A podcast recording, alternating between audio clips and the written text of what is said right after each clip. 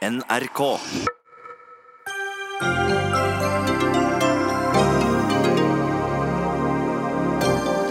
Folket fikk beskjed gå ut og stem, og 64,5% fulgte den oppfordringen. Men hva slags Norge er det de har stemt frem til seg selv? Jo, et Norge der regjeringspartiene blør velgere, det største opposisjonspartiet blør velgere, mens Senterpartiet ler hele veien til rådhuset. Og i underskogen av småpartier blomstrer det frem en ny vår. Forteller dette oss noe som helst om hva slags stortingsvalg vi måtte få i 2021?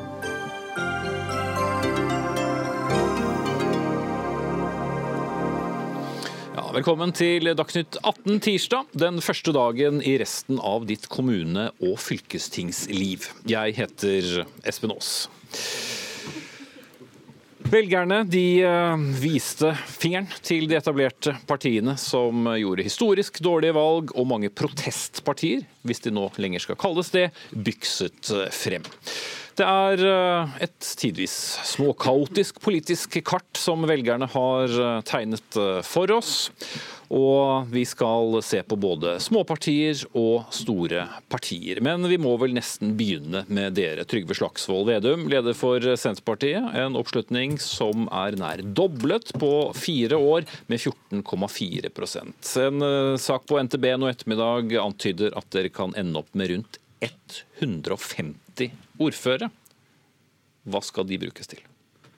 Nå må man vente og se på hvor mange ordførere man faktisk får. for det, Jeg tror det pågår veldig mye forhandlinger nå om lokale saker og diskusjoner og posisjoner nå lokalt. Det, nei, Hva det skal brukes til, det er veldig tydelig. Vi har jo gått på valg at vi ønsker å ha tjenester nær folk og utvikle alle deler av landet. Og mange plasser så er det jo da diskusjoner om skoler, sykehjem, de grunnleggende tjenestene. At man skal ha det i nærmiljøet. Så har jo også mange av våre kandidater vært ute og sagt at de mener at en ikke skal bruke ressurser på å gå en ny runde med kommunereform. At en nå heller skal fokusere på de grunnleggende tingene i sitt, eh, sitt nærmiljø. Og i kommunesektoren så er den aller tyngste oppgaven er omsorg. Og så er det oppvekst med den andre. Så det er, jo, det er jo der man må sette inn ressursene. Og styrke det, det nært. Og så vil det selvfølgelig variere fra kommune til kommune hva som er de største utfordringene. Men det har blitt brukt mye tid på å fortelle hva som er galt med en god del reformer, og hva vondt det har gjort for folk. Blir det også et eh, Senterparti nå som skal reversere det den sittende regjeringen har eh, holdt på med de siste seks årene? Mange av de reformene som regjeringa har gjennomført, er jo vi sterkt imot. F.eks. organisering av politiet er jo ikke noe kommunene eh, har så stor makt over. De har egentlig blitt helt maktesløse. Det er vel mange kommuner som har protestert mot at uh, deres polititjeneste er blitt lagt ned, men regjeringa har valgt å ikke lytte til det. Og, jo, og Det er jo en statlig oppgave. Uh, vi kommer til å helt garantert å få enda mer trøkk når det gjelder lokal beredskap for våre lokale folkevalgte. Men klart Det er jo til sjuende og sist staten som har ansvar både når ambulanse, politi, forsvar, Eh, organisering av universitets- og høyskolesektoren. Altså det er mange av de her reformene som er et statlig ansvar også. og Diskusjonen om Nav. snakket mye om, men Den hæren av ordførere kan uansett ikke, ikke, reversere dette, selv om du har vært veldig opptatt av det gjennom valgkampen? Det er jo, det er jo regjeringen som tar en del av de beslutningene. og Dessverre også er jo en del av beslutningen når det gjelder f.eks. struktur på universitets- og høyskolesektoren har jo også regjeringa satt til styrer som da uh, de skyver foran seg når ting blir sentralisert. Men det er klart, det her er jo en veldig tydelig reaksjon på at uh, folk ikke syns det er klokt med sentraliseringa. Uh, reagerer på den stordriftstenkninga og ønsker å ha tjenester nært. Mm. Og ønsker også å ha kommunestyrerepresentanter som fokuserer på de grunnleggende tjenestene, istedenfor at en skal bruke masse tid på å diskutere kart og, og, lage nye store strukturer, sånn som Viken f.eks., som er en løsning som egentlig ingen vil ha. Høyre sendte til og med ut en e-post til sine medlemmer om at de de ba dem stemme sånn at Erna Solberg skulle slippe å diskutere Viken med meg, fordi de skjønte at det var en veldig dårlig løsning. Så det er jo tydelig at de ikke likte det Under partidebatten i, ja. Trøndelag. Men uh, det hjalp jo ikke, da. Uh, men uansett, uh, folk, folk, har talt. Jan Tore Sanner, nestleder i Høyre, dere fikk altså 20,1% gikk ned 3 prosentpoeng. Var det også en protest mot regjeringen? La meg først gratulere MDG og Senterpartiet med to gode, gode valg. Eh, de har eh, åpenbart eh, truffet en nerve og, og drevet en god, god valgkamp. Nei, hvis du ser på Høyres valgresultat, så har jo vi faktisk noen av våre beste valg i mange distriktskommuner. Slik at det som forsøkes å tegne som et bilde, at det har vært en voldsom distriktsprotest, det er ikke et helt entydig bilde. Det som har vært krevende i denne valgkampen for tror flere partier, er at du har hatt litt ulike strømninger som har gått ulik retning. Du har fått en polarisering. På den ene siden så har du hatt Senterpartiet og også folkebevegelsen mot eh, bompenger, og på den andre siden MDG. Eh, og Det har gått litt motsatt, eh, motsatt eh, vei, eller eh, to strømninger. og det, eh, det gjør at i byene så har du hatt MDG som har vokst, og i mange distriktskommuner har Senterpartiet vokst. Mm. Og regjeringspartiene har gått tilbake, alle fire? Ja, vi hadde, vi hadde et ganske godt utgangspunkt ved valgkampens begynnelse. Eh, og så fikk vi denne bompengediskusjonen som holdt på i flere, flere uker. Eh, og det er helt åpenbart at våre velgere de liker ikke den type uro som du så komme med krangelen mellom regjeringspartier. Men Var det for mye panikk som bredte nei, bredde seg? Nei, uh, dette er en diskusjon som har gått også over, over tid. Uh, men det har også bidratt til å skygge for en del av de viktige lokale debattene om kunnskap i skolen og kvalitet i eldreomsorgen. Men så så vi da at mot slutten av valgkampen så klarte vi igjen å mobilisere, og det viser at våre kandidater og tillitsvalgte har gjort en veldig stor og god og viktig viktig innsats, eh, eh, ekstra innsats siste helgen. Et mål for Høyre var at halvparten av landets innbyggere skulle bo i en Høyre-kommune. Ved forrige valg så bodde omtrent en firedel. Dere nådde ikke helt det målet? Nei da. Eh, vi sa at eh, halvparten av Norges befolkning burde ha gleden av å bo i en høyrestyrt eh, kommune. Det var et veldig ambisiøst mål. Nå ser vi at en del av byresultatene ser ut til å bli stang ut. I Stavanger så ser vi jo at Arbeiderpartiet har gått sammen med folkebevegelsen mot bompenger. MDG og Rødt. Så du, så du får en del merkelige, merkelige utslag. Men vi kommer til å delta nå i alle de diskusjonene som er i både små og store kommuner, og jeg håper at vi kan få til både samarbeid med Senterpartiet i noen kommuner, og også MDG håper jeg at de viser at de er blokkuavhengige, og at ikke det er et parti som limer seg opp til SV og Rødt i, i flere kommuner. Hadia Tajik, nestleder i Arbeiderpartiet. Ja, det ble jo ikke noe jubelvalg hos dere heller, selv om opptil flere på deres sentrale valgvake jublet uh, for å ha gått ned 8,2 prosentpoeng, men dere jublet kanskje aller mest for, uh, for hovedstaden. Men din analyse, nå hørte vi Sanders. Altså, du har helt rett i at Dette var jo ikke et spesielt godt valg for Arbeiderpartiet. Eh, såpass sjølinnsikt må man ha, og såpass ærlig må man òg være. Eh, og Jeg ønsker å gratulere både Senterpartiet og Miljøpartiet De Grønne for at de har eh, gjort gode valg og, og klart å ha en god dynamikk omkring sakene sine. Jeg tror Sanner har helt rett i at bomdebatten dominerte mye av valgkampen, men det var jo òg regjeringspartiene som introduserte det som sak og lot det leve såpass lenge. Det tror jeg òg vi skal være ærlige om. Det vi ser, er at altså ganske tydelig over hele landet, det er at alle høyrepartiene går tilbake. Altså De går markant tilbake. Jeg opplever det som et veldig tydelig signal om at uh, folk ikke ønsker mer av høyresidens høyresidas politikk, som bidrar til økt privatisering, økt sentralisering. Ikke alle som gjør Arbeiderpartipolitikk, ser ut som heller. Økt uh, markedsliberalisme. det man ser at venstresida som helhet har jo styrka seg ganske bra. Og Arbeiderpartiet har, ser ut til å kunne fortsette i Oslo med Raymond Johansen, i Trondheim med Rita Ottervik. Men ikke pga. Arbeiderpartiet, det er jo nesten på tross av, og heller pga. støttepartiene? Ja, du, du, har helt rett i at det handler om et godt samarbeid med gode samarbeidspartnere. Det som er viktig for oss, er å gjennomføre en politikk som har betydning for folk i disse byene og bygdene det her er snakk om. Og et, vi mener jo at selv om, selv om, det er mye forhandlinger som fortsatt er på gang, så er det mye det går an å få til for å få forskjellene ned eh, mellom folk. Nettopp ved å, eh, ja, å, ha Arbeiderpartiets politikk til grunn. Mm.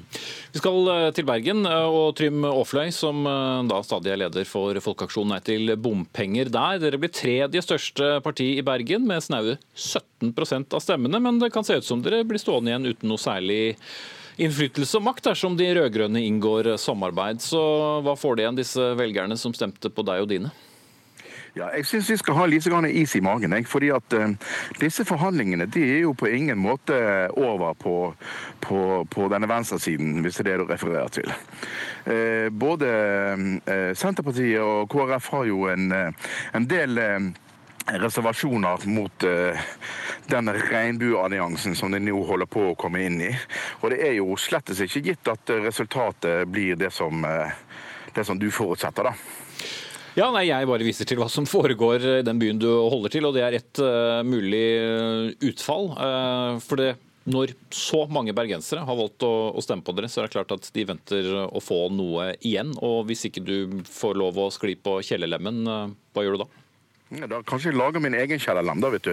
Det som er saken at i, i, i det byrådet, altså bystyret vi har hatt i de siste, den siste delen av perioden, så har jo faktisk eh, byrådet, byrådspartiene eh, vært i, eh, i, mindretall. De har ikke hatt et flertall. Det vil si at faktisk et flertall av de som har styrt det siste siste del av perioden, de, de inngår ikke i, i et flertall. Så når vi kommer inn med elleve kandidater, eller mandater, så vil vi uansett kunne være med og, og utforme deler av politikken. fordi at Programmet vårt favner ganske bredt. Og du ser at Dersom din prognose skulle slå til, og at vi får et, en, en, en, sånn rød-grønn allianse, så vil det likevel være så mye strekk i dette laget. At vi ser eh, god mulighet for å kunne samarbeide på enkeltsaker eh, som kan være viktige for, eh, for velgerne. Men det var vel én sak som var spesielt viktig for de som stemte på dere, vil jeg tro. Og det var vel nettopp bompenger og ingen bybane? Ja, det, vi, det, er, det som er ultimatet vårt, det er jo eh, dette med, med, den ytre bomringen. Eh, ikke alle bomstasjoner. For vi må være pragmatiske og se at man, man har behov for den indre ringen. Så det som vi har vært opptatt av, det var den ytre ringen. Om vi klarer å, å få det til, så er vi mer pragmatiske i, i, i, forhold til Bybanen. Eh, dersom vi slipper at bilistene må betale for Bybanen til Åsane. Så der kan vi også tilby ting til eh, f.eks. Kristelig Folkeparti og Senterpartiet. Vi får se hvordan det går. Bli med oss eh, videre. Hanne Markussen, dere har jo kalt dette for et klimavalg. Men var det det? Jeg opplever i aller høyeste grad at dette var et klimavalg, og at det er en av grunnene til at vi i Miljøpartiet De Grønne gjorde såpass bra valg. Den folkelige mobiliseringen som vi så i forkant av dette valget, med bl.a. tusenvis av streikende, klimastreikende ungdommer, og ikke minst også klimabrølet, hvor det også var mange, mange tusen mennesker. Men da gangen dere først og fremst i hovedstaden, da? Ikke først og fremst bare i hovedstaden. Det er klart at Resultatet vi har fått i eh, Oslo med 15,2 eh, syns vi er helt fantastisk. Men vi ser jo også at vi har hatt en klar fremgang over hele landet. Og ikke bare i eh, bykommuner, men også i kommuner som er mer landlige, hvor vi nå ser eh, resultatet på eh, opp mot 10 eh, Også i kommuner hvor vi stiller til valg for første gang. Så vi opplever at dette har vært en stor grad av klimavalg. og også at i de kommunene hvor vi ved forrige lokalvalg i 2015 fikk inn grønne folkevalgte for første gang, nå opplever en videre vekst, bl.a. som i Vardø, hvor vi har hatt et utrolig godt valg. Men eh, nesten en dobling da i, i, hovedstaden, som uh, jo blir lagt merke til. Særlig når det store Arbeiderpartiet ikke er så stort lenger i hovedstaden. Men hva betyr det hva kommer det til å kreve, og hvordan skal det prege de neste fire årene i hovedstaden, med at dere har nesten doblet dere? Nå skal ikke jeg uh, sitte her og forhandle uh, på Dagsnytt 18, men det, altså, vi ser for, selvfølgelig for oss et grønnere Oslo. Det vi ser nå, som jeg opplever at dette, uh, den tilliten vi har fått fra velgerne nå, er fordi at mange ønsker en grønnere by. De ønsker at klimagassutslippene i Oslo skal fortsette å gå nedover, slik de har gjort de seneste årene. De ønsker ikke minst at vi skal prioritere mennesker foran biler, at vi skal få flere gågater, flere sykkelveier, flere grøntområder. Høyere bompenger?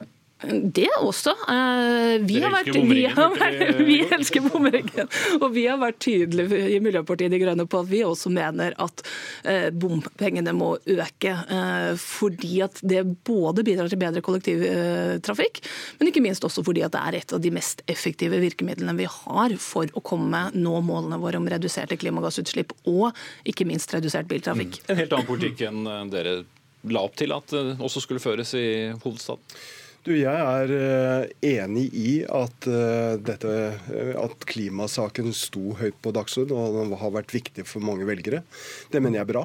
Eh, fordi at klima og miljø, klimakrisen, er en av de aller største utfordringene vi har. Både globalt, nasjonalt og lokalt. Eh, og det kommer til å stå på den politiske dagsordenen i mange mange år fremover. Og det betyr at vi må bli flinkere til å få frem våre løsninger for det grønne skiftet. Og hvordan det grønne skiftet kan kombineres med, med utvikling og, og jobbskaping. Mm. Det skvatt vel litt over at grønne skiftet skulle komme med lavere bompengesatser? Ja, men, eh, men det, vi må også ta inn over oss at det går en grense for hvor mye du kan sette opp, om, opp bompengene. Det var jo en årsak til at eh, vi også la frem denne pakken, som besto både av noe reduserte bompenger, som i Oslo kunne bety at du ga småbarnsfamilier mulighet til å slippe bompenger når du skal kjøre frem og tilbake og, og med, med, barn på fritidsaktiviteter, samtidig som det var en storsatsing på kollektivtransport, som jeg håper at, eh, at byene også vil benytte seg, seg av. Men der vil dere tenke eget, eh, Markusen, eller varsler i hvert fall det da bompengepakken kom? Eller? Ja, altså Vi opplever jo ikke fra Miljøpartiet De Grønnes side at dette er en gavepakke nettopp fordi den også setter begrensninger på hvordan vi kan bruke det mest effektive virkemidlet vi har for å nå klimamålsettinger og målsettinger om redusert biltrafikk, nemlig eh, økte satser i bomringen. Og det blir litt sånn som at du eh, Jeg tror jeg har sagt det før, men at du gir sjokolade med den ene hånden og eple med den andre hånden, og tror at det skal føre til at folk skal skal leve sunnere, nettopp fordi at du gir begge deler. Så vi tror ikke det. Og så er det en annen ting jeg også har lyst til å si, og som jeg tror det kanskje er viktig at de etablerte partiene i Norge tar inn over seg det at Miljøpartiet De Grønne nå vokser, handler veldig mye om at mange opplever at det har vært snakket utrolig mye om klimapolitikk i veldig mange år. Men sannheten er at norske klimagassutslipp har stått på stedet hvil i 30 år. Mens vi i Oslo, hvor bl.a. Miljøpartiet De Grønne har vært med å styre, har klart å begynne å kutte. Jeg opplever dette som et kraftig signal at folk i Norge de ønsker mer handling og mindre snakk i klimapolitikken. Men, men, men det, det, og det er jeg enig med deg i. Men det blir galt når du sier at det bare er prat og ikke, ikke noe handling. Du ser konkrete og gode resultater i industrien, som har lavere utslipp. Du ser det på samferdsel med, med bruk av elbiler og lavutslippsbiler. Og så må vi forsterke tiltakene i årene som kommer. Og jeg er helt sikker på at det kommer til å være mange gode klimadebatter, både lokalt og nasjonalt fremover. For at klimautslippene har stått mer eller mindre på stedet hvil, der er jo tallenes uh, tale relativt klar. Men det gir noen utfordringer dette med et voksende MDG. For ja, uh, dette er uh, helt fint å samarbeide for Arbeiderpartiet i, i, Oslo. Her er det ikke noen oljeindustri som kan legge sted. Men fagbevegelsen er skeptisk til samarbeid med MDG. Mange i ditt parti er skeptiske til å samarbeide med MDG på riksplan. Senterpartiet er skeptisk til til MDG. Så hva skal du gjøre med dette, Hadia Tajik? Altså, Vi får jo til mye bra med Miljøpartiet her i Oslo. Jeg er ganske stolt over de resultatene som vi har klart å gjøre for, eh, for hovedstaden vår. Og jeg tror eh, at Miljøpartiet har klart å profilere denne saken og eie den mye bedre enn egentlig de fleste andre partier. Mm -hmm. Men jeg mener jo at, eh, at Arbeiderpartiets styrke når det gjelder klima, er jo nettopp det at vi både forstår at vi må skape og dele. Eh, det som bekymrer meg litt, er at hvis man ikke har det korrektivet som Arbeiderpartiet her representerer, at man risikerer å gå ut på en galei der man bare deler og dele. Altså F.eks. oljeindustrien skaper fantastiske verdier for landet vårt. Representerer en kompetanse, representerer med arbeidsplasser som er totalt avhengig av, og for å få til det grønne skiftet. Og som er òg avhengig av for å kunne gi velferd til de neste generasjonene. Og det å ha begge disse to pilarene, både skape og dele, det, det finner man hos Arbeiderpartiet. Mm. Men det går jo ikke for dere, Markussen? Eh, Miljøpartiet De Grønne er også veldig opptatt av både å skape og dele. Ikke minst så er vi opptatt av eh, økonomisk ansvarlighet. Og Et moment som jeg opplever at det snakkes for lite om i eh, debatten rundt norsk oljenæring, er egentlig at det å satse videre på en næring som vi vet at vi må fase ut, i stedet for å gjøre som Miljøpartiet De Grønne vil, å lage en utfasingsplan hvor man også kan fase inn nye næringer, satse på fremtiden fremtidens arbeidsplasser. Vi opplever at det som økonomisk uansvarlig, og jeg har så langt ikke hørt et godt svar fra noen av de større styringspartiene i Norge på hvordan de tenker at den omstillingen skal skje på en måte som gjør at vi ikke endringene kommer for bratt, og ikke vi opplever stor arbeidsledighet. Eh, Tajik og så, så Vedum. Altså, Det er ikke trygg økonomisk styring å avvikle en hel industri i løpet av noen få år. Det er heller ikke trygg økonomisk styring å fremme forslag om at man skal ha mer deltidsarbeid, sånn som Miljøpartiet har gjort på Stortinget. Eh, det er ikke trygg økonomisk styring å egentlig eh, sende et veldig tydelig signal om at det er tusenvis av arbeidsplasser som man risikerer at går tapt i en industri som er viktig for landet. Det som er trygg økonomisk styring, det er å sikre både at landet vårt har de inntektene som skal til for å investere i nye fornybare industrier, og å sikre at vi har de inntektene som skal til for å sikre velferden til de neste generasjonene. Og Det jeg òg opplever at kan være utfordrende noen ganger med Miljøpartiet sin politikk, det at de heller ikke tar inn over seg at man òg må redusere de økonomiske forskjellene mellom folk. Altså Det holder ikke å bare appellere til en, eh, altså, jo, men, altså, til en del av befolkningen som har høyere utdanning og høyere inntekt. Vi er nødt til å ha med oss hele befolkningen. Alle må få muligheter, alle må få ta del i denne utviklingen. Og det er der Arbeiderpartiet representerer det sterke, tydelige politiske alternativet. Vedum. Ja. det var, Nå følte jeg nesten som kommentator i diskusjonen mellom eh, Arbeiderpartiet og MDG. Nei, hvor, hvorfor er ikke MDG et parti som uh, Senterpartiet vil kunne gå inn i en uh, koalisjon med på riksplan? Nei, altså, politikk handler om saker, uh, og det er jo det som man må se. at da, ta skog, da. Når vi snakker om nye næringer, så, så er det ingen tvil om at skogbruk er en veldig fornybar næring. Eh, MDGs politikk er jo mer og mer vern, mindre og mindre bruk. Vi mener at en langsiktig forvaltning er en eh, klok strategi. Ta energipolitikken, der MDG dessverre eh, vi synes det har stemt for at EU skal få mer kontroll over deler av norsk energipolitikk. Vi mener det er veldig uklokt. for Vi mener det å ha nasjonal styring på energipolitikken er noe av det viktigste vi kan ha for å få ny industri. Og, det, og når du tar i, i valgkampen, så var jo MDG veldig sinte på oss når jeg snakka om at det er viktig å ha småflyplasser i Nord-Norge og Vestlandet. Altså Norge er som det er. og Derfor også trenger vi småflyplasser. Vi, så vi har en bedre, mer konkret klimapolitikk som skaper arbeidsplasser og skaper verdiskapning. Og så må vi ha industri og, og arbeidsplasser rundt omkring i hele Norge. Og så har jeg respekt for at vi har ulike syn. Og det, så det er jo egentlig respekt for det i de standpunktene som jeg ser MDG fremmer i Stortinget. som jeg ser at det har, de har ett mål, vi har et annet mål, og da, og da, er det naturlig at vi kan samarbeide med lokalt i kommuner. Da går det på kryss og tvers alle, alle veier. Men nasjonalt så er det for, for store forskjeller, og de, og de, ønsker en annen retning. Vi får se hva velgerne syns der. I politikken så er de heller ikke veldig begeistra for Senterpartiet sin. er det sant? Jeg vil bare kort, kort eh, innom Bergen eh, til slutt. Eh, Trym Offløy, det er et stortingsvalg om to år.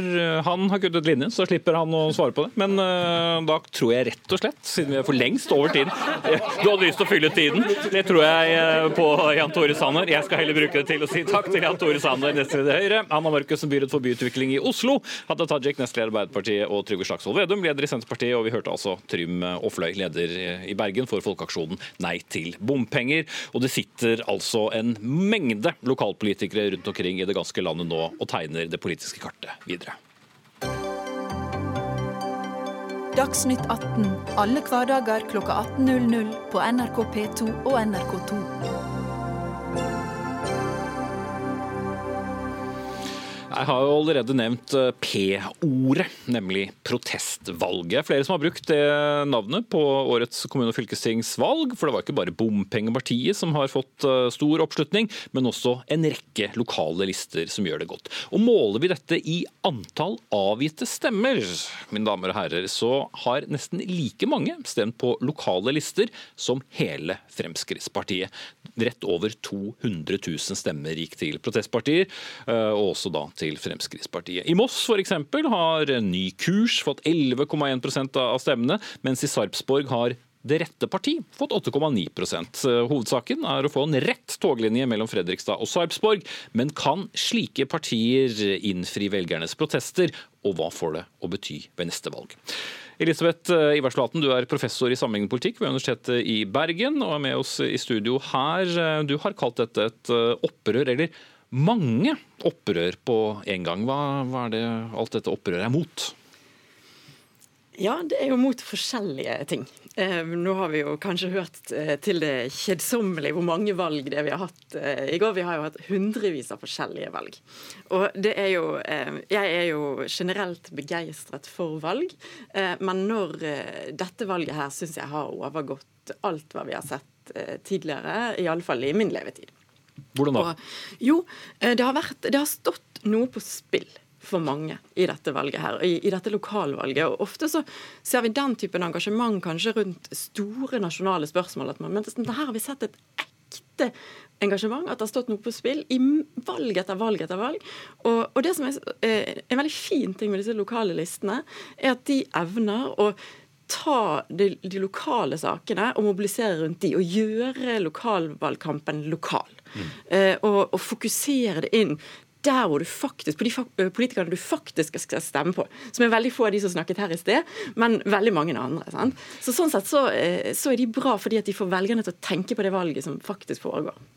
En av dem som vel har gjort det med hell, er deg, Per Olaf Toftner. Du er da førstekandidaten til det rette partiet i Sarpsborg i Østfold. og Dere kjemper altså rett og slett for en rett toglinje mellom Fredrikstad og, og Sarpsborg. Fikk som jeg sa 8,9 av, av stemmene der. Og ja, Hva er saken deres? En, en rett toglinje, rett og slett? Ja, det er eh, nå litt feilaktig sagt av deg at det er en rett linje mellom Fredrikstad og Sarpsborg. Det er en linje som ikke burde gå ned til Fredrikstad, ah. og en linje som ikke burde gå opp til Sarpsborg, men fra Råde til Skjeberg. Da har vi rettet opp det. Eh, og Hvorfor er dette en sak som er så viktig at man oppretter et eh, parti, og jammen får nesten 9% av stemmene? Det er fordi at denne linjen som ligger der nå, intercity-løsningen, den vil påføre vårt samfunn så mye negative ting at vi er nødt til å gjøre et forsøk på å få stanset dette her.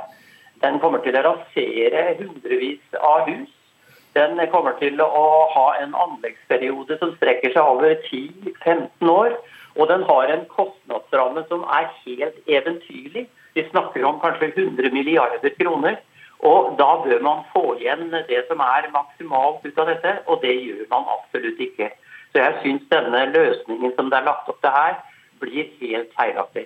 Men det er jo ikke sånn at det er kommunestyrer alene som vedtar så store prosjekter. Så hvordan har du tenkt å innfri forventningene til de 8,9% som eh, har stemt på dere?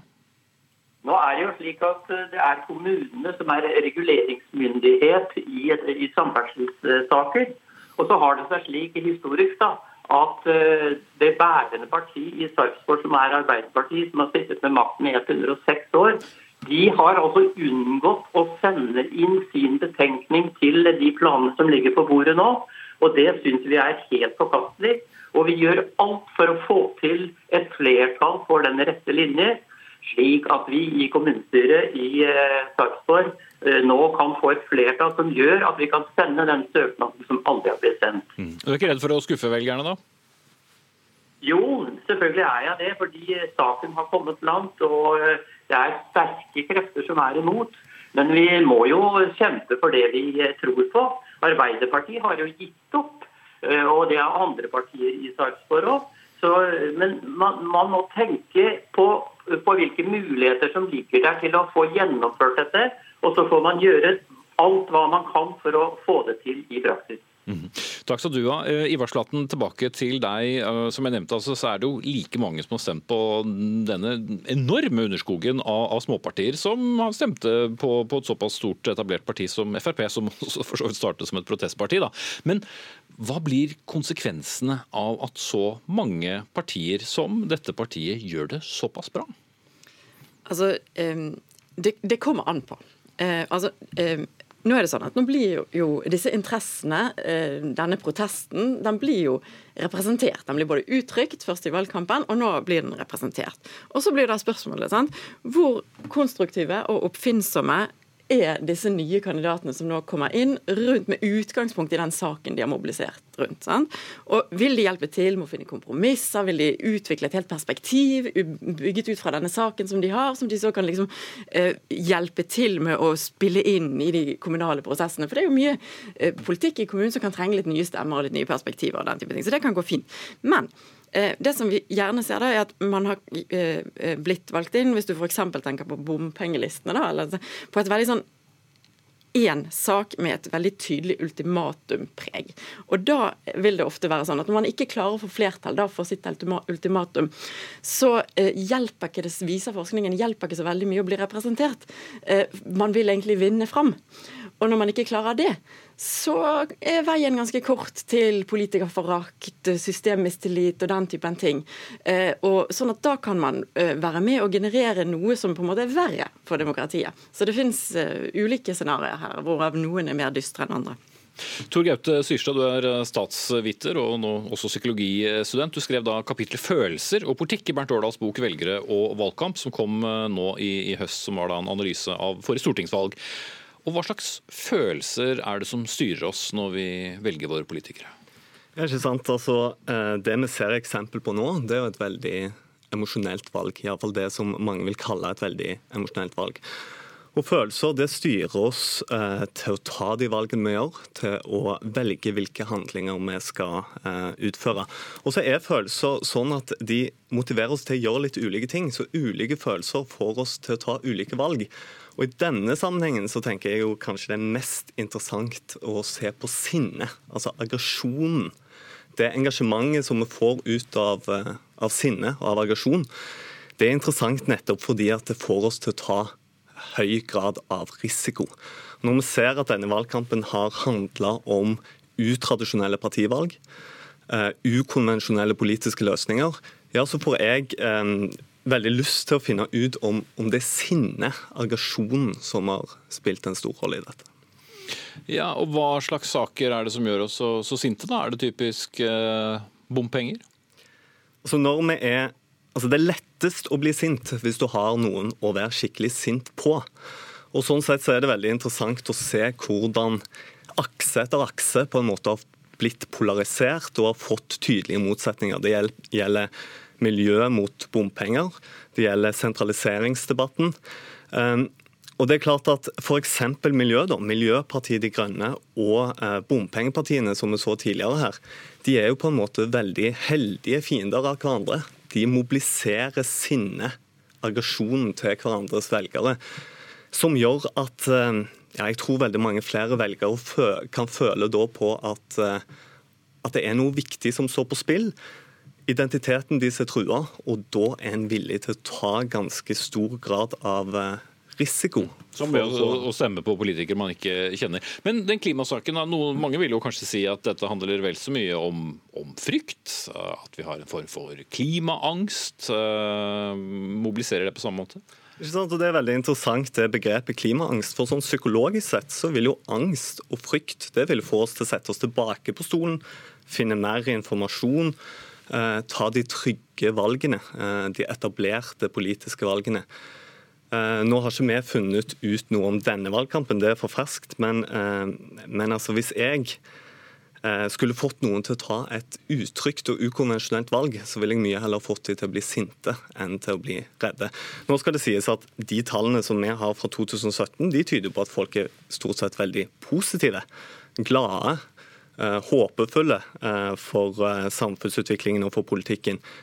Så gjenstår det å se om, om, det har blitt mer sinne og negative følelser i den valgkampen som nå gikk gjennom. Og Det var jo et stortingsvalg som dere analyserte. og der er jo, Det er mye vanskeligere å komme inn på Stortinget enn å komme inn i et kommunestyre i en, i en liten kommune. Men risikoviljen ved et lokalvalg kontra et stortingsvalg. Vi har jo hatt f.eks. Eh, Lagod var kanskje ikke bare et protestparti, men Kystpartiet var jo et parti som var eh, inne eh, på Stortinget. Rød valgallianse, som etter hvert ble til Rødt, var jo veldig lenge ute av Stortinget. Hvordan tror du det påvirker oss, disse valgene i Varslaten? Altså, I statsvitenskapen så berører vi et begrep som heter sekundærvalg. Det er de valgene der som ikke er de sentrale organiserende valgene. Det, I Norge er det sentrale organiserende valget det er stortingsvalget. Det er der det største budsjettene er, det er det nivået partiene er organisert på osv.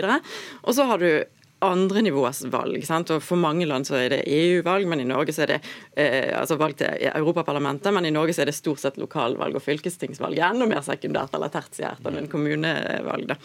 Eh, så, så, jeg mener ikke å si at folk er opptatt av kommunevalgene, for det er de veldig, veldig opptatt av. Det føles nært og viktig. Kommuner, kommuner er veldig viktige for folk. Men, eh, men like fullt så ser vi en tendens til at folk eksperimenterer litt mer med stemmen sin i sekundærvalg enn det de gjør i primærvalg. Eh, Vi vet jo ikke om det er det som har skjedd denne gangen. Men de har hatt muligheten til å eksperimentere, for det har vært flere forskjellige alternativer. og sånn.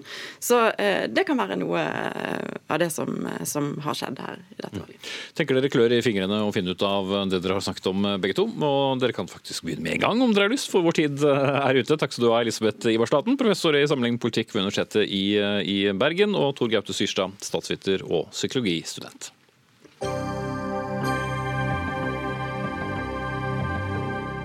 Og Vi skal eh, nå til eh, en eh, kommune, nemlig Kristiansand på det blide Sørland, der Vidar Kleppes Demokratene ble vinner og har blitt byens tredje største parti med 13,5% Og Det her har det vært et politisk jordskjelv. Vidar Udjus, politisk redaktør i, i Fedrelandsvennen. Hvorfor er det et skjelv, og hva utløste det? Den som utløste det, det var Vidar Kleppe som står eh, ved siden av meg her. og Det var da det eksepsjonelt gode resultatet han oppnådde med 13,5% I tillegg var det også en eh, tverrpolitisk folkeliste som stilte for første gang, som fikk 5,5 Til sammen fikk disse nesten 20 eh, av stemmene. Det er et jordskjelv. og Særlig kobla sammen med at Venstre gjorde sitt dårligste valg siden krigen. KrF gjorde sitt dårligste valg siden 70-tallet, og Høyre gjorde sitt dårligste valg siden 70-tallet også. Så det at dette, dette har flytta enormt store velgermasser plasser. og Da er det først og fremst én vinner som står tilbake, og det er Vidar Kleppe. Og Vi skal snakke med, med Kleppe om litt, men jeg vil holde litt eh, på deg fortsatt, eh, Udjus. Men hvis vi ser på de rene politiske sakene, så 13,5 er jo mye. Hva slags saker i, i, Kristiansand er det som har gjort at uh, så mange velgere har, har vendt seg til ham for hjelp? Det er først og fremst tre saker tror jeg, hvor diskusjonen har gått veldig høyt i, i byen. Det er flytting av containerhavn ut fra sentrum, som, eh, som Kleppe har vært imot. Det er eh, bompenger, skråstrek bygging, eh, utbedring av veien som går gjennom Kristiansand sentrum. Kristiansand er eneste kommunen mellom Oslo og Stavanger hvor europaveien går gjennom Kristiansand sentrum. Og for det tredje, og aller viktigst, bygging av en kunstsilo, hvor det offentlige skal være med og finansiere at privat kunst fra en lokal milliardær som nå er utflytta, skal stilles ut, det har engasjert veldig mange. og Der har Vidar Kleppe vært den sterkeste kritikeren også av det. Og Denne siloen har jo også vært mye omtalt eh, bl.a. På, på en Facebook-side ved navn Sørlandsnytt, som også har hatt en interessant rolle i det hele. Absolutt. Sørlandsnyhetene ble starta eh, som en protest eh, mot eh, planene om å bygge denne kunstsiloen. Etter hvert så har den blitt ganske omstridt fordi at det er en anonym Facebook-side. Det er ingen ansvarlig redaktør, så hvis du blir hengt ut der, så har du ingen å henvende deg til for å få fjerna innlegget, f.eks. Og ganske mange har, eh, har, opplevd at de har blitt uthengt. Det har vært lansert eh, voldsomme konspirasjonsteorier der også, eh, og det har bidratt til et ganske giftig ordskifte her i, i Kristiansand Kristiansand i, eh, i, løpet av valgkampen. Som jeg også sier, det kan sikkert Kleppe svare på, men hans parti har jo da blitt eh, assosiert med denne sida. Det har eh, sannsynligvis bidratt til at han har fått eh, en del stemmer, men det har også bidratt til at han har blitt veldig upopulær blant særlig de to store partiene, Høyre og Arbeiderpartiet, som nå da forhandler om å skape et flertall i, i byen. Ja, Vidar Kleppe, det var uh, altså litt av en, en, gledens kveld og natt uh, for deg i går. Men nå sitter åtte partier fra Frp til MDG med Høyre i spissen og forhandler sammen for å, for å holde deg unna maktposisjonene. Hvem ville du sittet sammen og forhandlet med i dag? Nei, Vi tar det med knusende med ro. For at i Kristiansand så er vi i hvert fall det rette partiet for folket som vil ha en endring. Og det er klart Den politiske treenigheten som du har i Kristiansand, der Arbeiderpartiet, Høyre og Kristelig Folkeparti er enige i alle de store, viktige sakene, og folk ikke ser forskjell på disse partiene, så skiller vi oss i Demokratene oss ut med at vi har tindrende klare andre løsninger, der vi setter primæroppgavene til kommunen foran en milliardær som heter Nicolai Tangen som skal bygge en kunstsilo, som Vidar Udjus var inne på der han sender regninger på hundrevis av millioner kroner til det offentlige, samtidig som vi ikke har nåla i veggen til lovpålagte oppgave, og der folk som er 99 år ikke får en sykehjemsplass, og så bruker den treenigheten politisk i Kristiansand pengene på milliardæren Nicolai Tangen og kunstsiljaen. Ok, og så til det jeg spurte om. Eh, åtte partier sitter altså sammen nå i kveld for å holde deg unna makten. Hva, hva svarer du til det? Du, jeg tar det med knusende med ro. for det at eh, Vi er ombudskvinner og menn i Demokratene. Vi er opptatt av den politikken vi skal føre daglig for å gjøre noe med forskjellene og få en bedre likebehandling i vår kommune. Så er ikke det byrådet i Kristiansand. Her har vi formannskapsmodellen. Så Demokratene med folkets hjelp, vi kommer inn i alle råd og utvalg og dersom det er viktig å sitte. Og vi skal drive en eh, knallhard, saklig og god opposisjonspolitikk for å gjøre hverdagen bedre i den nye tvangssammenslåtte Kristiansand kommune, som nå òg består av to lillebrødre, som heter Sogndal kommune og Søgne kommune. Og Der har vi jo gjort et veldig godt eh, valg i begge de kommunene. Og det er jo fordi at avstanden til makta på Torv i Kristiansand, den er milevis ifra de utfordringene som folk har i utkantene av nye Stor-Kristiansand. Og her leverer vi hver eneste dag politiske resultater. Mm. Men eh, hvis du har så gode løsninger eh, for folk, hva er det som gjør deg så uspiselig for åtte andre partier, Kleppe? Nei, jeg får si som min mor sa, det er ikke rart det er krig i verden, Vidar. Eh, når vi ikke kan sitte ned i et sivilisert samfunn som det norske, og vårt demokrati som utdeler fredsprisen, så er det altså så barnslig. Det er verre enn Tuppen og Lillemor. Der vil altså ikke de større partiene som har vært store fram til nå, som er mindre nå, og vi har blitt større, de vil altså ikke snakke med oss om politiske løsninger. Jeg er jo den beste lagspilleren å ha med seg hvis en skal gjennomføre politikk, men det er klart jeg har nødt når jeg driver opposisjonspolitikk, når ikke de etablerte partiene leverer for folk.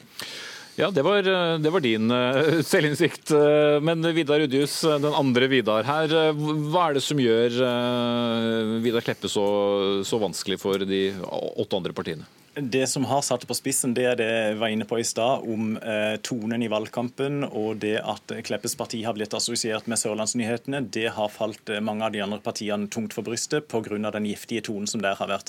Ellers er litt breaking news da, at åtte partier nå i kveld har blitt til syv partier, for Miljøpartiet De Grønne trakk seg fra disse forhandlingene. De vil ikke sitte i en koalisjon hvor også eh, Fremskrittspartiet er med. Så akkurat per nå er det ikke mulig å se for seg en eller annen koalisjon som får flertall uten å ha med Vidar Kleppe og Demokratene på laget. Så verken Høyre eller Arbeiderpartiet klarer nå å telle til 36, som er det magiske tallet for å få flertall i bystyret i Kristiansand. Så akkurat nå helt, helt uvisst. Ja, kort så, der, til så, derfor, så, så derfor hadde jeg vært den beste ordføreren.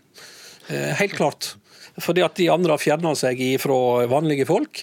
Og jeg tror det at nå må eh, alle partier i Kristiansand vise ansvar. Og innen oktober så har vi noen ordfører og en varaordfører på plass. Det viktigste er den daglige politikken vi skal føre, der vi vil sette folket i Kristiansand foran Furre og co. Da sier vi takk til Tobla Vidar i Kristiansand, Vidar Udjus, politisk redaktør i Federlandsvennen, og Vidar Kleppe, leder av Demokratene.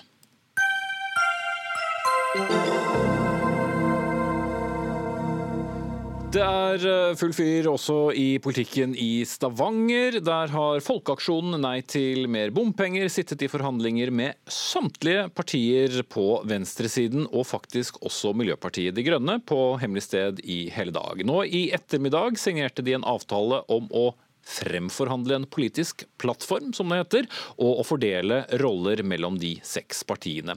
Og Det kan bety det at Høyre ser ut til å miste makten i Stavanger, som de har styrt siden 1993, altså i 26 år, og også styrt i mange år før den tid. Eh, de som har vært innom eh, nrk.no, kan lese at FNB-velgerne nå raser over det som omtales som et eh, MDG-samarbeid, men Mimir Kristiansson, som nå blir bystyrerepresentant for Rødt i Stavanger. Du har jo vært med på disse forhandlingene da med bl.a. FNB og, og MDG. Hva, hva, betyr dette? Hva, hva slags enighet er det som uh, egentlig ligger her? Foreløpig er vi enige om at vi skal forhandle, at det er disse partiene som skal sette seg ned og forhandle. Og det høres jo underlig ut eh, for folk inne i Oslo at eh, Folkeaksjonen Nei til mer bompenger plutselig kan samarbeide med venstresidepartier, men i Stavanger så ser politikken helt annerledes ut. Folkeaksjonen Nei til mer bompenger har jo vært et opposisjonsparti sammen med alle venstresidepartiene. Vi som møttes på valgkvelden, var altså hele opposisjonen, som nå hadde fått flertall. De har vært konstruktive. De har sittet i bystyret allerede i fire år. De er ikke noe nye i dette valget. Vi har opplevd de som seriøse og skikkelige folk, som har ganske interessante meninger og standpunkter. Både i bompengesaken, men selvfølgelig andre spørsmål. Og Hvis jeg leser Folkeaksjonen Nei til mer bompenger sitt lokalprogram i Stavanger, så finner ikke jeg som Rødt-politiker særlig mye jeg er uenig med der. Så det er mye, mye felles altså mellom, mellom Rødt og FNB? Ja, I lokalpolitikken i Stavanger så er det det. Så kjenner ikke jeg forholdet i Bergen og Oslo ut og inn, men det får folk i Bergen og Oslo svare for. Her er det i hvert fall mulig å ha konstruktive og skikkelige samtaler, både med FNB og med MDG. Og vi har veldig stor tro på at vi skal klare å komme til enighet. Og så er jo vi bare helt i starten av prosessen, og politikken avgjør jo, så blir vi ikke enige, så blir vi ikke enige. Men akkurat nå ser det lyst ut. Mm. Og dere enes da om en felles sak, nemlig å, å vippe høyre ut? Vi enes jo om at vi ønsker en ny kurs i byen. Vi er opposisjonen i byen. Vi har lyst til å ha et annet styre enn det som har vært posisjonen. Så dette er ikke så veldig merkelig. Eh, og så setter vi oss jo ned og snakker om massevis av saker. Og så skjønner jeg at dette er vanskelig for folk som ikke følger Stavanger-politikken i detalj å forstå. Men hvis man hadde fulgt Stavanger-politikken i detalj de siste årene, så ville man ikke ha blitt rysta over at Folkeaksjonen Nei til mer bompenger kan finne sammen, både til høyre og til venstre, men kanskje har ligget nærmest venstresida fordi de har vært i opposisjon mot det sittende Høyre-styret de siste fire årene. Jon Petter Hernes, eh, ja, vi kan vel fortsatt kalle deg ordførerkandidat i Stavanger eh, fra Høyre. Eh, dere har som jeg sagt innledningsvis styrt denne byen sammenhengen siden 1993, og i mange år før det også, men nå ser det ut til å være en, en, en samling for, for, å vippe dere ut. Hva, hva har dere gjort som er så galt? Nei, Jeg tror ikke vi har gjort så veldig mye som er galt. Jeg tror at uh, hvis vi ser, så er det, det er den nye faktoren her. Det er, det er bompengelister som uh, har tiltrukket veldig mange proteststemmer.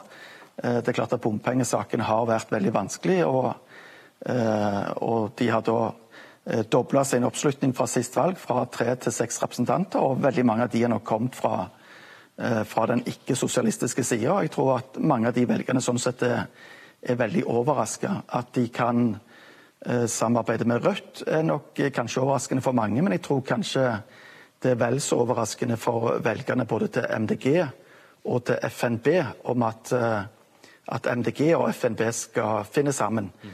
Og om de får det til til slutt, det vet de jo ikke. De har jo egentlig hatt en pressekonferanse om at de skal forhandle videre, og så får vi selvfølgelig se om de om de klarer å forene eh, egentlig eh, hovedstandpunkt i, i, den store saken som ligger i navnet til partiet, nemlig kampen mot bompenger. Om de klarer å forene det med eh, å regjere sammen med MDG. Eh, det er mulig at dette da altså ser eh, så forståelig ut som bare det for, for, eh, for dere to. Men Mimir Kristiansson, på nettsiden eller Facebook-siden til Bomfritt Jæren nok er nok, så leser jeg en stemme på FNB er en stemme til MDG. Det er helt utrolig. Så det er noen som følger Stavanger-politikken og ikke syns dette er så åpenbart? Ja, det er sikkert mulig å finne overraska folk alle steder i landet over det meste. men det som jo vi skal sette oss ned og snakke om, er politikk. Og Så kommer vi ut med politikk på enden, og hvis partiene er fornøyde med det, så antar vi at det er fordi de har fått gjennomslag for den politikken. Og For oss i Rødt så er det ikke sånn at bompengelisters velgere eller politikere er noen slags annenrangs velgere eller annenrangs politikere. Det er helt normale, anstendige mennesker som har reagert på at bompengebelastningen i Stavanger-regionen har blitt for høy. Og det har han blitt. Og Det har skapt et voldsomt raseri pga. den bymiljøpakken som bl.a. Høyre har stått i spissen for, men som mange partier har stemt for. Og Derfor ønsker mange en ny kurs i den saken, men det er jo ikke riktig som Hernes sier at det bare er FNB som har gjort et bra valg. Jeg må jo med all beskjedenhet eh, og melde kunne si at når Rødt eh, får 5,5% og er større enn Kristelig Folkeparti, Venstre, Senterpartiet i Stavanger, så har det skjedd noe mer i Stavanger-politikken. Høyre, som har styrt byen i 24 år, har jo også gjort et krisevalg. sånn at det er et ønske om et politisk skifte i Stavanger. Så er spørsmålet om de partiene klarer å finne sammen. og Nå har vi i hvert fall blitt enige om å prøve på det. Og så kommer vi med noen politiske løsninger til slutt. Jeg har god tro på at de skal, eh, la seg, det skal la seg løse, og så får folk se om hvordan de tar imot det når de, når de vet hva politikken blir. Hernes, eh, hvorfor vipper Myhrol eh, og Folkeaksjonen eh, da mot venstre, og ikke til dere på høyresiden? Altså, I forhold til, til, navnet på partiet som handler om bompenger, så, så syns vi òg det er veldig overraskende. Vi, vi, hadde jo forhandlinger i natt der bompengelister kom fra, fra møter med, med Mimir og, og Arbeiderpartiet og, og, MDG og de andre. Eh, og Da oppfatta vi at eh, alle de kravene han stilte i forhold til det som gikk på bymiljøpakken, de De var egentlig ganske moderate og, og fornuftige, og ikke spesielt djerve, holdt jeg på å si. Så de ble imøtekommet både av den røde og den, og den samarbeidskonstellasjonen som, som, vi representerer. Så når han da egentlig valgte å gå videre og forhandle med, med MDG og Rødt og de andre, så, så tror jeg nok at det ikke Det er nok veldig, veldig mange som er veldig overraska over, over det. Og Flere av dem gir uttrykk for det nå. Vi får se hvordan det går med videre forhandlinger. Takk skal dere ha begge to. Jon Petter Hernes, ordførerkandidat i Stavanger fra Høyre, og Mimir Kristiansson fra Rødt i Stavanger. Hør Dagsnytt 18 når du vil. Radio NRK Radio.nrk.no.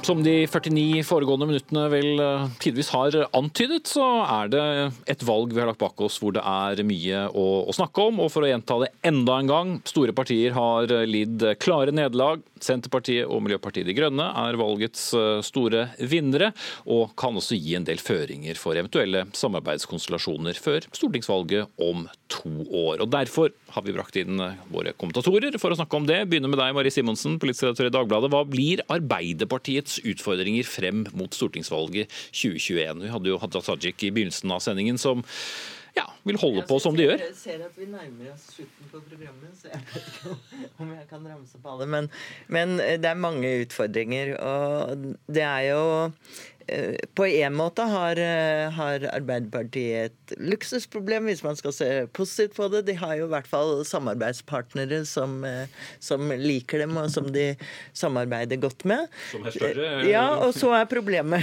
nettopp størrelsesforholdet. At støttehjulene er i ferd med å bli større enn sykkelen. og da, Det skaper jo unektelige utfordringer. I tillegg så har de selvfølgelig at det er et sprik i laget der òg. Du har Oslo-konstellasjonen med MDG og SV og Rødt. Eh, og så har du eh, Vil de fortsatt samarbeide med Senterpartiet og SV i regjering? Og jeg ser ikke for meg at at i hvert fall Senterpartiet og MDG går så veldig godt sammen. Det sa vel Trygve Slegsvold ja, Vedum ganske klart fra om. Det var det ingen tvil om. Lars Nehru Salen, politisk kommentator her i NRK. Norske velgere viser fingeren til det etablerte. Det er en kraft i dette, har du skrevet på, på nrk.no.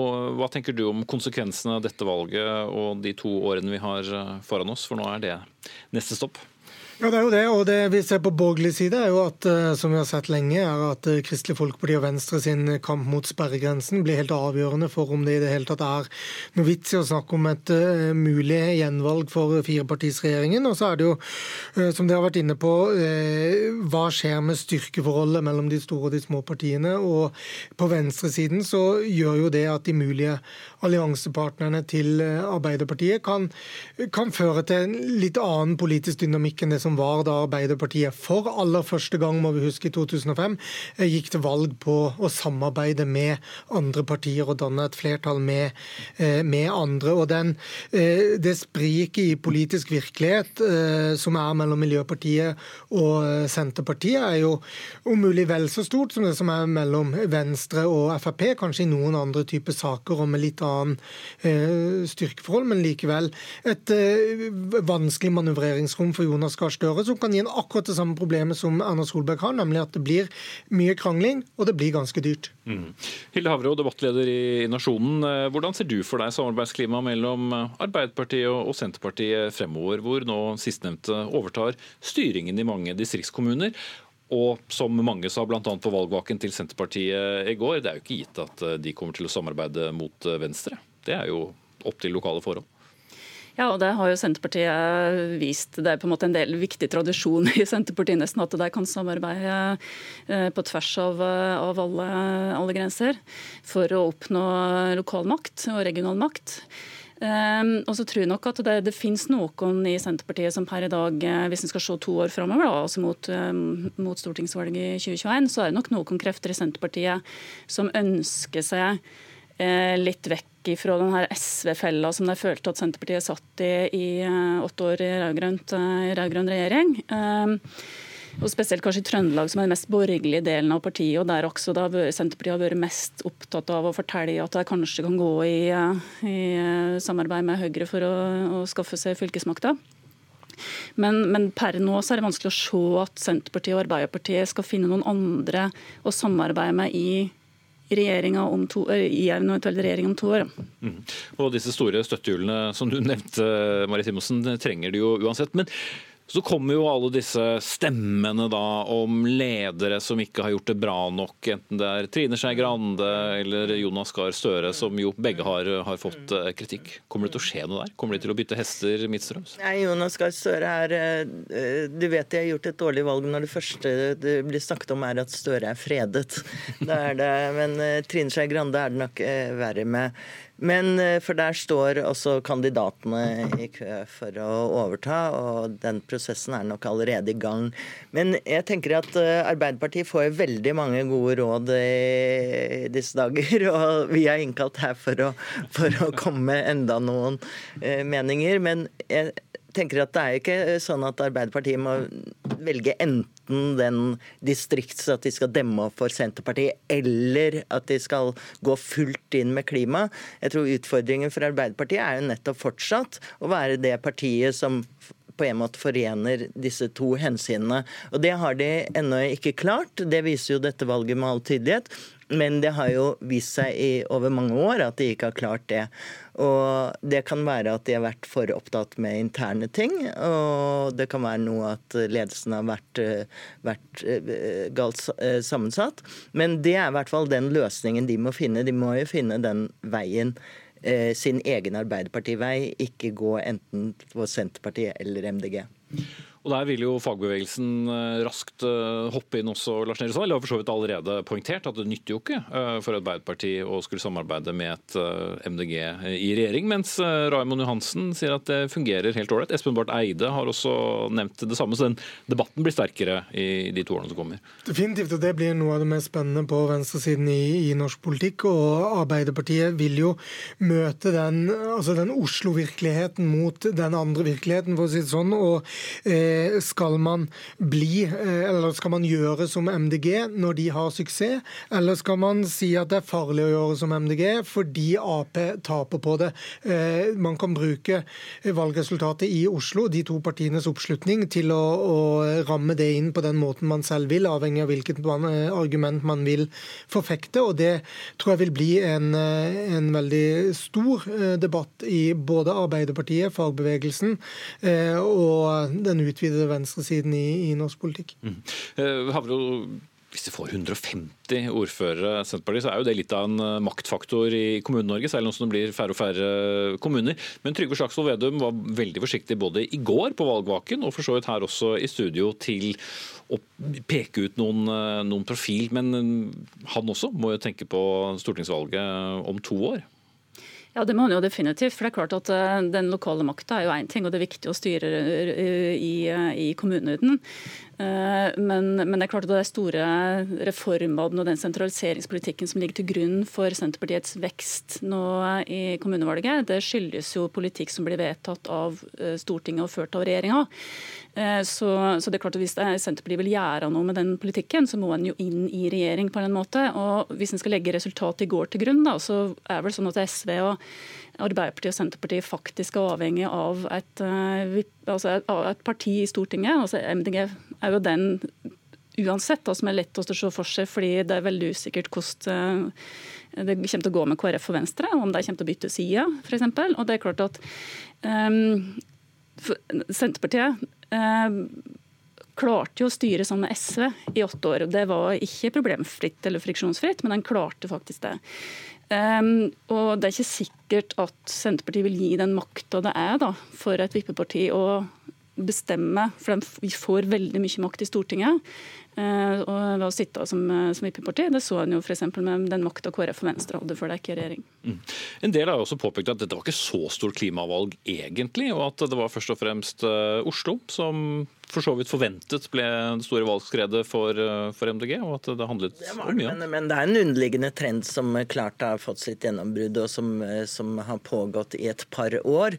Så, så jeg syns at de som har feil, det er feil. Men, eh, men, det som er påfallende, er som det også er blitt påpekt, at velgerne har gått til venstre. Veldig mange velgere har gått til altså Rødt og SV vokser jo over hele, hele landet, og til dels voldsomt. Og det er jo også en utfordring for Arbeiderpartiet, som kanskje er vel så sterk som, som disse to andre mm. Tiden uh, renner ut uh, her nå, men uh, protestvalg? Ja eller nei? Ja, et protestvalg som kommer til å vare inn i Eh, overskuelig fremtid. Ok, Marie Simonsen eh, fra Dagbladet, Hilde Lyssengen Havro, debattleder i Nasjonen, og Lars Nehru Sahn, politisk kommentator her i NRK. Vi er ved veis eh, ende. Anne Katrine Førli var ansvarlig for denne sendingen. Marianne Myrhol hadde teknisk ansvar. Jeg heter Espen Aas.